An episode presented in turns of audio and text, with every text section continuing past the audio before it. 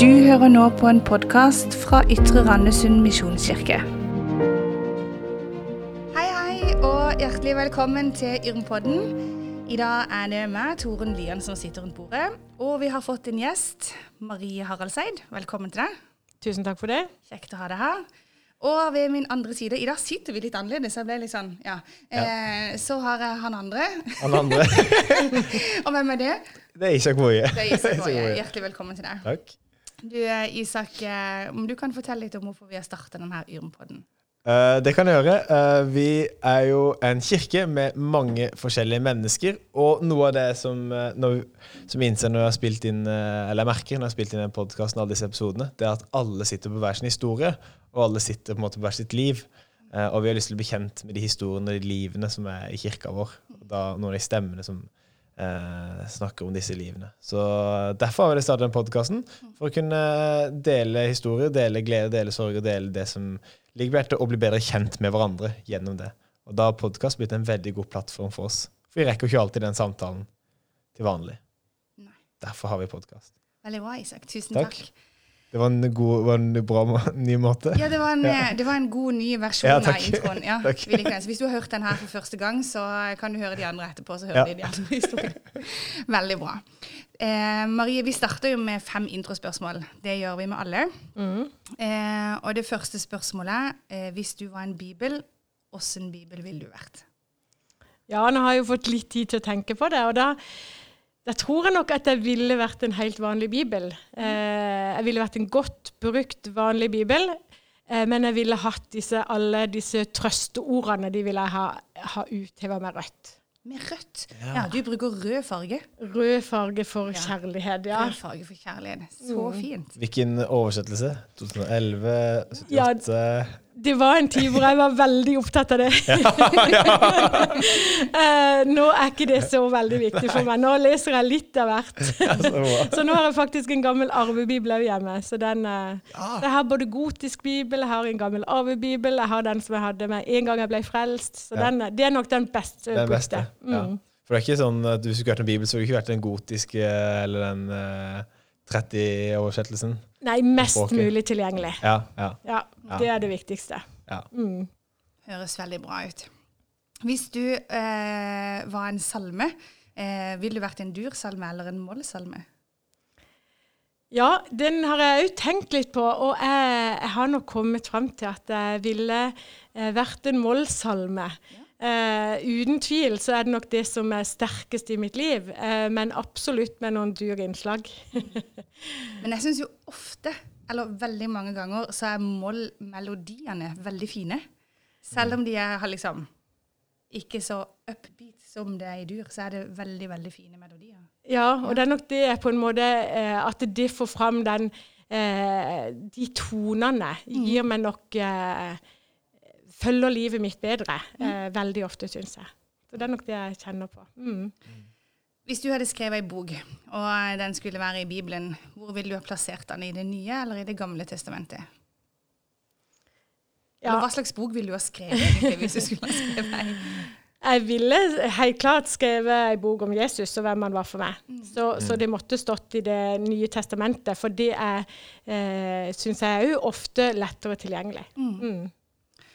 Og det siste spørsmålet vi alltid spør er eh, hvis du kunne gått på kafé med en person fra Bibelen nå i 2020, eh, hvem ville du ha spurt med? Jeg hadde spurt meg innenfor Gamle testamentet, så eh, jeg hadde spurt meg jobb. Ja, hvorfor det? Nei, jeg hadde vært veldig, eh, veldig i stuss egentlig på åssen eh, kunne Gud bære deg gjennom alt du gikk igjennom. Eh, og det hadde jeg hatt eh, behov for å høre, og jeg hadde hatt behov for å høre hans sine svar på, på at eh, Gud eh, valgte å være trofast. Eh, på tross av det han sa, på tross av Og at han valgte å være trofast mot Gud. Det syns jeg er, er utrolig fint å lese om. Spennende kafébesøk.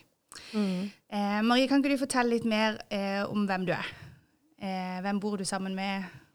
Hva gjør du til vanlig? Ja, jeg bor, eh, jeg bor ikke lenger sammen med en hamster. Det, det er jo oh, det var godt for du lurte veldig på.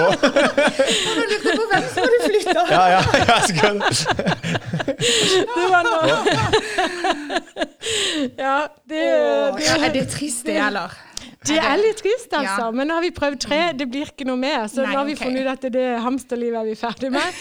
Så det er den eneste som har flytta ut eh, i løpet av, i løpet av korona, sa Ems. OK, det var godt. Så vi er egentlig fornøyd med det. Men jeg bor sammen med Kjetil. Mm. Vi har vært gift i 15 år, nokså nylig. Og har to barn. Mm. Heine Mathias eh, og Eskil Emil, som er snart 11 og 13. Og hva jobber du med? Jeg jobber som helsesekretær hos Ja. både en øyelege og hos en revmatolog. Spennende. Og så har vi denne podkasten for vi har lyst til å høre om eh, ja, om noen har noen historier eller noe som er, de har lyst til å fortelle fra livet sitt. Og når eh, vi inviterte deg, eh, så er det jo mange ting vi har lyst til å spørre deg om. Eh, men det første spørsmålet som vi har tenkt litt på, er eh, hva betyr troen din for deg? Eh, har du alltid vært kristen? Ja, det er jo et, et, et eh, spørsmål som jeg stadig òg kan stille meg sjøl. Hva, hva betyr det egentlig, dette som eh, kan oppleves eh, som litt rart for veldig, veldig mange andre? Eh, men troen min betyr, eh, betyr nok i veldig, veldig veldig mye for meg. Eh, og sånn til syvende og sist så må jeg jo si at han, han betyr nok alt. Eh, og så nei, han har ikke alltid gjort det. Eh, det kommer jo til et punkt i livet mitt hvor jeg em, hadde gått veldig mange år i, vokst opp i samfunnets menighet. Hadde gått veldig mange år hvor jeg på en måte opplevde at um, jeg ville gjerne tro, men jeg fikk det ikke til. Jeg skjønte på en måte ikke hva clouet var med å tro. Uh, og jeg så på veldig mange andre i menigheten som, som eh, var voksne, og, og som på en måte virka gudfryktige, og, og, og lengta sånn uh, i, i tider av og til eh, etter, etter å bli sånn, sånn som de. Eh, som på en måte hvilte i, i eh, troen, og var gudfryktige. Det var nok det jeg så mest på. Og så vokste jeg opp i samfunnet og, og levde et uh, veldig godt liv der, men hvor menighet og, og, um, og livet rundt egentlig går veldig sånn hånd i hånd, sånn at en var nok nokså beskytta mot alt annet. Eh, og der var vi jo også beskytta mot alt eh, fra Gud som kom utenifra. Eh, siden en kun hadde lov til å lese våre egne skrifter, så, så ble en jo beskytta mot, eh, mot alt annet. Så vi hadde ei, eh, jeg syns jo at jeg hadde ei til tider vanskelig ungdomstid, hvor jeg strevde veldig med at jeg hadde to liv. Jeg hadde ett liv i menigheten hvor en skulle være eh, Altså oppføre seg ordentlig. Og så hadde jeg ett liv på sida hvor, hvor jeg ikke klarte det. Eh, sånn at det ble et, eh, et liv i eh, Altså vi var som veldig mange ungdommer. Vi festa og drakk og levde på en måte livet. Eh, så, eh, og så var det et eller annet som ikke stemte på innsida. For jeg hadde ikke lyst til å være den, eh, den ungdommen. Eh, så det, det ble vanskeligere og vanskeligere. Eh, så etter hvert så, så hadde jeg ei venninne, ei som heter Tina, som er i menigheten, som, eh, som hadde blitt frelst. Og det var jo sånn Hva er det for noe? Altså, jeg, jeg visste egentlig ikke hva det gikk ut på. Men uh, hun begynte å fortelle om Jesus. Um, og for meg så var Jesus en historisk uh, helt uh, perfekt person. Uh, men det var ikke noe som jeg, som jeg på en måte hadde i hjertet mitt. Jesus var ikke noe som jeg visste noe særlig Det var ikke en du hadde noe om. forhold til, eller noe sånn type i Nei, sånn historisk sett så visste jeg hvem han var, og vi, vi trodde på en måte på, på både Gud Fader, Guds Sønn og Gud den hellige ånd. Eh, men, men, eh, men Jesus var ikke en, eh, en Altså, jeg hadde ikke skjønt at det som Jesus hadde gjort på korset, hadde noen betydning for, for meg. Eh, men historien var lest, men jeg hadde nok mer fått en lovisk forståelse av det. Men hun- hva skjedde da? Det, for dette, du sa jo noe helt annet i starten av podkasten. Eh, for dette du ville skrevet om en bok om hva Jesus hadde gjort for deg. Mhm. Ja. Ja, fordi at eh, hun Tina hun ga seg liksom ikke. Utrolig nok, og, og ille nok, eh, som jeg syns det var da. Så, så holdt hun liksom på å fortelle om, at, eh, om Jesus og spør meg med på møte. Og, eh, og fortelle hvem han egentlig var, og hva han hadde gjort i hos sitt liv. Og, og det, var, det var mer enn én gang det endte opp med at vi liksom eh, nesten kunne Altså Tina hyler og skriker jo aldri, men, men jeg kunne nok det. Altså Bli ordentlig frustrert og sur for at nå må du kutte ut. Jeg gidder ikke å høre på det der. Um, og hun, men hun hadde ei bibelgruppe som, eh, som ba for meg. Eh, men men ehm, de sa i den bibelgruppa at eh, hvis Marie blir frelst, så kan hvem som helst bli frelst. Men vi må bare be for henne iallfall. Mm, ja. Så jeg tror ikke de heller hadde særlig store Nei, troen på at det. det skulle komme til meg. Men så etter hvert så, så begynte det nok å virke på meg mer og mer, og så, så spurte Tina meg med på et møte, mm, fellesmøte eh, i 2000 eh, om jeg ville være med eh, og høre, for da skulle en som vi, eh, hun visste hvem var, som heter Steinar Harila, skulle tale der. Og da ble jeg med, og på, på det andre møtet i den, eh, i den eh, Uka. uka, så, så gikk jeg fram til, til forbønn, noe jeg ikke visste egentlig hva var. Eh, men Tina spurte om jeg ville være med fram til, til alteret der. Nei, unnskyld. Det var, det var ikke sånn. Tina hadde gått fram til alteret. Og så sto vi oppe og sang på slutten, eh, før møtet var slutt. Så kom det ei dame hen til meg og tok meg på ryggen. Så sa hun hvis du vil, så kan jeg følge deg opp til alteret. Den dama vet jeg ikke hvem er. Eh, aner ikke om hun Det er nesten sånn at jeg vet ikke om hun var der er det, i det hele tatt. Men noen fulgte meg opp til alteret, eh, og det var ikke noen jeg kjente. Eh, og så la jeg meg ned, og da landa jeg rett ved siden av Tina. Eh, og så snudde Tina seg, så sier hun 'Marie, hvorfor er du her?' og det sier òg litt om at, eh, at hun trodde nok at eh, Ja, hva, hva, hva skjer, liksom? Men da kom Stein og Harila hen til oss eh, og, eh, og ba for oss. Eh, og den natta så ble jeg frelst. Da eh, var det en helt fysisk eh, kamp, eh, opplevde jeg, mellom, eh, mellom djevelen og Gud. Mellom det onde og det gode. Eh, nesten sånn marerittaktig følelse den natta, hvor jeg våkna opp og gikk ut og henta en, en bibel som jeg hadde på gotisk, og begynte å lese. Helt uh, spesiell uh, mm. Mm. For en historie. Mm. Ja. Og ukene etterpå, hva skjedde da? Nei, da var vi på møter. Ja. Så Tina Godt du eh, bodde på Sørlandet. Godt jeg bodde på Sørlandet, og godt at, eh, at vi var single, for vi hadde ikke hatt tid til noe annet. Da var det, og da var det møter i alle mulige former og fasonger. Og vi var bare helt der. vi hadde, eh, vi hadde jo på den tida ingen kristne venner, sånn at vi visste ikke noe om hvor vi skulle gå. Eh, men heldigvis så var det ei husgruppe på Tømmerstø som, eh, som Tina kjente fra før, og som tok imot oss med åpne armer. Og som eh, vi fikk undervisning, eh, og som vi fikk eh, lære oss å gå. Og som hadde ordentlig troen på, på det som hadde skjedd inni oss. For det opplevde vi jo at når vi fortalte det til folk i samfunnet, så trodde de at det var tull. Eh, altså dette, dette er noe Dette var ikke ekte. Dette var ikke ekte, mm, ja. mm. Um, så det var veldig, veldig godt å komme til noen som liksom var 20-30 år eldre, og de trodde på oss at noe var skjedd. Så, det, eh, så vi ble fulgt i det, i det husfellesskapet i mange, mange år fremover. Og har fortsatt et solid, godt hjerte for de. De holder på Ja, for de finnes fremdeles, gjør de ikke det? Ja. Det gjør de. Mm. Mm, Så fint. Men nå går du i Ytre Randesund misjonskirke. det gjør Og du har vært med helt fra starten av. Mm. Det er veldig fint. Og du har eh, også nesten helt fra starten av vært en del av bønnearbeidet i kirka. Eh, hvorfor er bønn så viktig for deg? Det er fordi at jeg har sett at det virker. Eh, og, og for meg så blir på en måte det språk, bønn det språket som er Når jeg ikke har noe annet språk, så er det på en måte bare det å være hos, eh, være hos Jesus. Eh, det å være eh, Ja, være sammen med han. Eh, så er det mitt eh, bønnespråk. Mm. Og dere har ei bønnegruppe som, eh, som ikke så mange kanskje ser eller vet om. Kan du fortelle litt om den?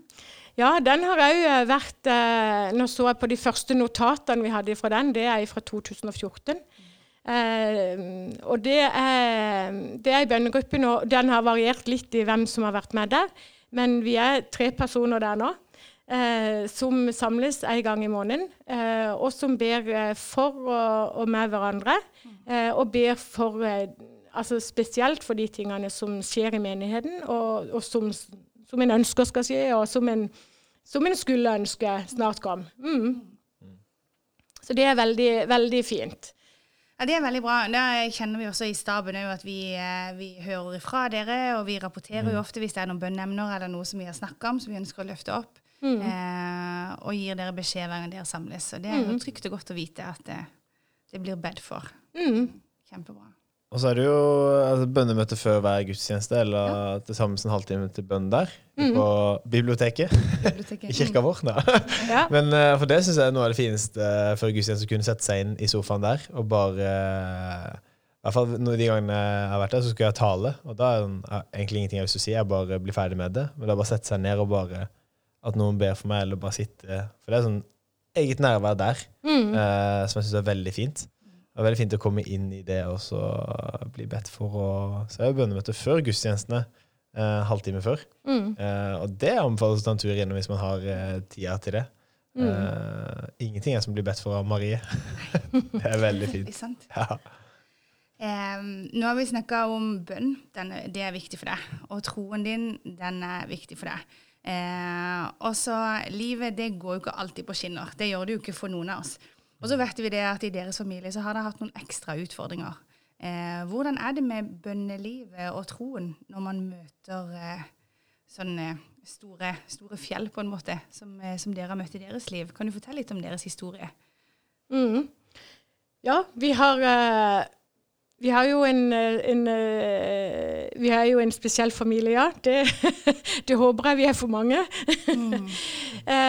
det er Altså, vi eh, Ja, bønn er veldig viktig. Og så er det jo sånn at eh, for meg så er ikke alltid De rutinene har ikke alltid vært så lette å få til eh, i forhold til et eh, bønneliv. Men bønnen er likevel levende i meg. Um, så det er viktig å si at det er ikke sånn at jeg har det liksom veldig sånn systematisk.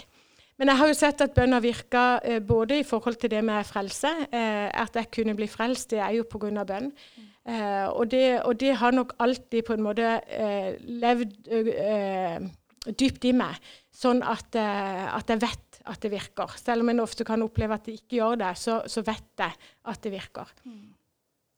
Men vi har jo fått, uh, vært så utrolig heldige å få to gutter. Eh, først så kom eh, Hein Mathias i 2006, eh, og det var jo absolutt òg med et brask og et bram. Eh, det, gikk, det gikk to dager der hvor vi, hvor vi ikke visste om han ville overleve eller ikke.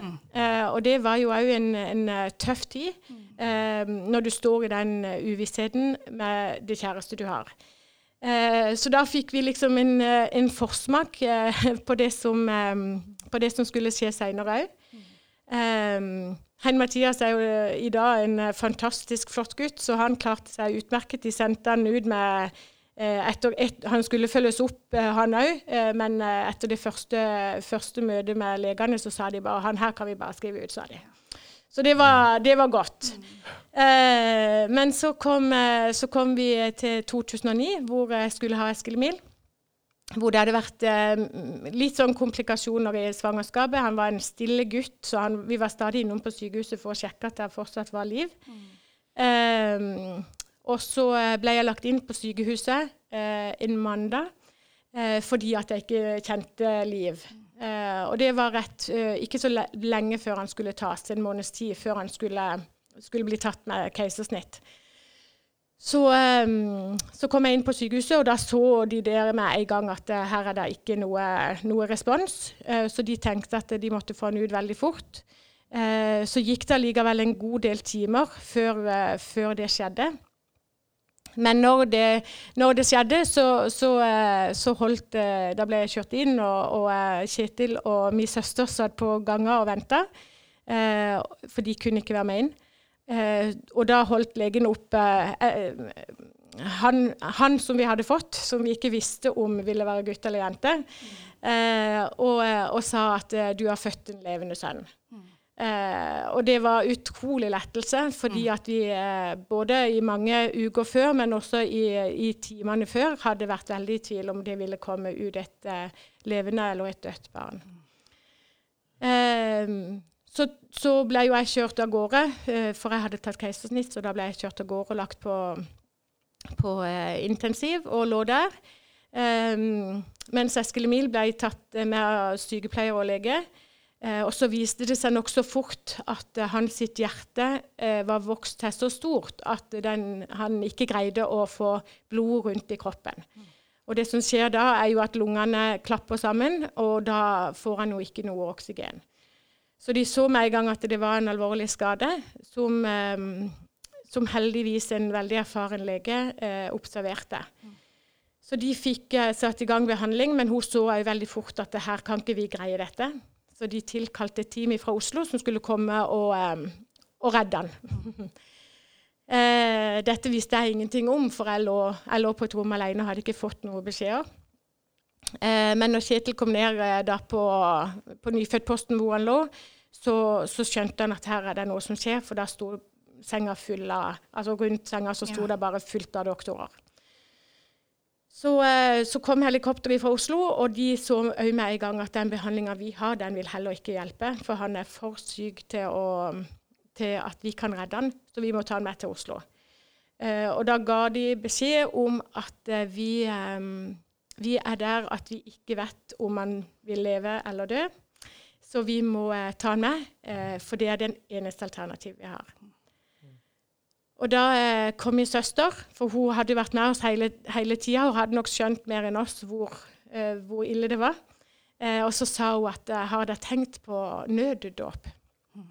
Og da gikk det vel opp for oss at, at, de tror at han ikke vil overleve dette. Ja.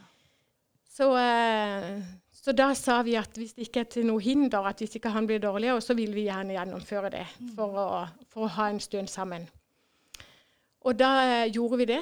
Og da eh, fikk jeg lov til å ligge så nærme i, i, senga at jeg fikk lov til å rekke ut hånda og holde den på kuvøsen til Eskil Emil. Og så husker jeg bare at jeg sa at eh, Jesus, vi gir han til deg om han lever eller dør, eh, men vi ønsker at han skal bli helbreda.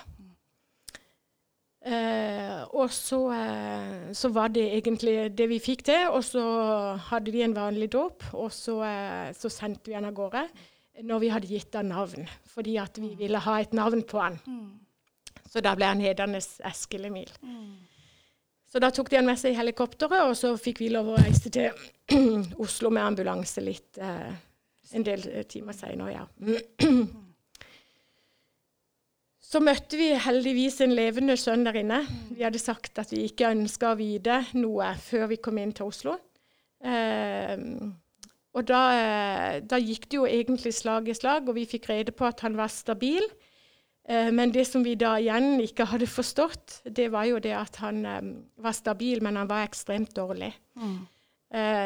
Sånn at han lå liksom på Han lå med respirator. Han hadde, ja, han hadde jo tube da når han lå med respirator. Og han hadde liksom pumper av alt av medisiner for å greie å holde han i live. Så han hadde liksom sånn 18 pumper med forskjellige medisiner og næring inni kroppen. Så det var, det var, veldig merkelig å se. Men da, eh, etter få dager, så kom de til oss og sa at eh, nå vet vi ikke hvordan dette går. Nå må vi lense båten. Eh, håpe at det holder, og så må dere folde hendene. For nå går prøvene feil vei. Eh, så hvis ikke, hvis ikke nå på en måte kroppen tar over, så må han over på noe behandling som ikke vi vet hvordan skal gå. Mm. Eh, så da kan han dø. Mm. Eh, så da sa overlegen det, at eh, dere må folde hendene. Mm. Og da rakk vi å sende melding til noen få eh, og, og, be sjøl om at eh, nå må du gripe inn igjen, Gud. Eh, og fra den dagen så gikk det, eller den dagen så gikk det halvannen time. Så snudde prøvesvarene. Og det er en sånn blodgass da, som viser at, eh, om kroppen på en måte holder på å eh, forsure eller ikke. på en måte. Eh, så da snudde prøvesvarene, og så gikk det riktig vei. Eh, dette var en søndag, og på tirsdag så skulle de bytte denne tuben da, som gjorde at han fikk puste. Og da fikk vi beskjed om å gå ut fra lokalene, for det er ikke noe greit å se på. Eh, og når vi da kom inn og skulle inn igjen etter de hadde gjort det, så sto legen bare og vinka på meg. Og Vanligvis er det et sånn langt regime du skal gjennom på Rikshospitalet med å vaske hender og, og, um, før, du, før, du, får lov til å komme inn. Mm. Uh, men da sto han bare og vinka, og så løp jeg bare rett forbi. Og da kom Kjetil bak meg og tenkte nå, nå er han død. Ja. Uh, så det var igjen en sånn ny Å, hva skjer? Men der når jeg kom inn der, så sto legen og smilte, og så så han ned på esken min, så sa han Når vi tok ut tuben, så pusta han sjøl. Så vi satte ikke inn noe ny. så det var en sånn ny eh, Et nytt bønnesvar i veien mot at han skulle bli veldig, veldig mye bedre. Så fra da så gikk det bare slag i slag med eh, Det var mange nedturer, eh, absolutt, og mange vonde ting. Ikke, vi fikk ikke holde han før han var 18 dager gammel. Det var første gang vi holdt han. Og da tok det en time å rigge han til på fanget for at alt skulle være med over. Så, um, så det var tøffe tak. og vi, det var som vi sier, at vi levde bare i at andre bar for oss. For, for det um, uh, Ja, det var sånn at vi nesten ikke orka å, å, eh, å verken lese eller be. Men uh, når det kom de verste taggene, så, så, så fikk vi slengt opp en bønn. Nå må du bare være her, Jesus. Uh, men at han var med oss hele veien, det, det er det ikke noe tvil om. Det har han vært. Ja. For i dag så er jo eh, Eskil Mil den skjønneste gutten. Ja da. Ja. Og han er jo veldig med i Betkirka, og og det er full gass hele Ja, veien. Ja. Det er det. Det er utrolig herlig. Ja. Det er ikke rart at bønn er en stor del av ditt liv, for tenk for alle de bønnesvarene du har fått. Ja. Det er veldig, det er veldig, veldig godt. Og at troen din bærer gjennom disse tøffe tidene. Mm. Det Det er er jo- imponerende. Ja, og det er jo kanskje det eh, som jeg eh, sier altså At det er derfor jeg er litt i moll i livet generelt. fordi at jeg ser jo at når, når eh, absolutt når, når livet er på det verste, så er jo Jesus på det beste. Mm. For det eh, det er i de tidene Jeg sier ikke at han ikke hjelper alltid, men, men det er jo i de tidene hvor livet er så vanskelig at du bare Du har ingenting. Ikke sant? Når vi, når vi bare virkelig føler at vi kommer Ja. Så, så er han bare der og bare trøster og oppmuntrer og bare gir et helt nytt um, syn. Og det er, det er utrolig fint. Mm, og livgivende. Mm. Åh, vi kunne ha snakka lenge med Marie. Det. Eh, ja, eh, for det, nå har vi kommet til siste spørsmål, eller vi må på en måte runde av. Eh, og det siste spørsmålet er eh, Har du noen sånn pulsslag i livet ditt, Marie, som er viktig for deg eh, i hverdagen? Mm. Det er jo bønn. Eh, det er jo det som er på en måte det viktigste. Eh, og så, som jeg sa i stad, så er ikke alltid mitt liv sånn at jeg får til de rutine, eh, rutinene. Men, men bare de bønnemøtene som vi har i menigheten, det å kunne be med barna på kvelden, eh, stort sett når en, når en legger de hver kveld, eh, så er, det, så er det veldig, veldig viktig. Så det er stort sett bønn som er det viktigste for meg, tenker jeg. Samtidig så følger jo liksom Bibelen på det. Så, um, men jeg er nok òg en av de som stadig prøver å komme inn i nye, gode rutiner. eh, og tenkte at denne koronatida også skulle føre til det.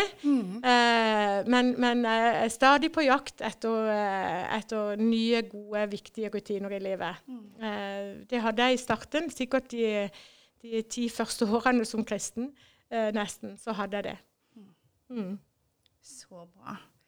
Tusen, tusen takk for at du kom på besøk til oss. Det var utrolig sterkt og fint å høre historien din. Jeg hadde ikke hørt den så detaljert før, så det, det var veldig sterkt å høre. Takk for besøket. Takk for oss. Mm. Vi høres igjen om en uke. Da kommer det en ny pod. Ha det fint.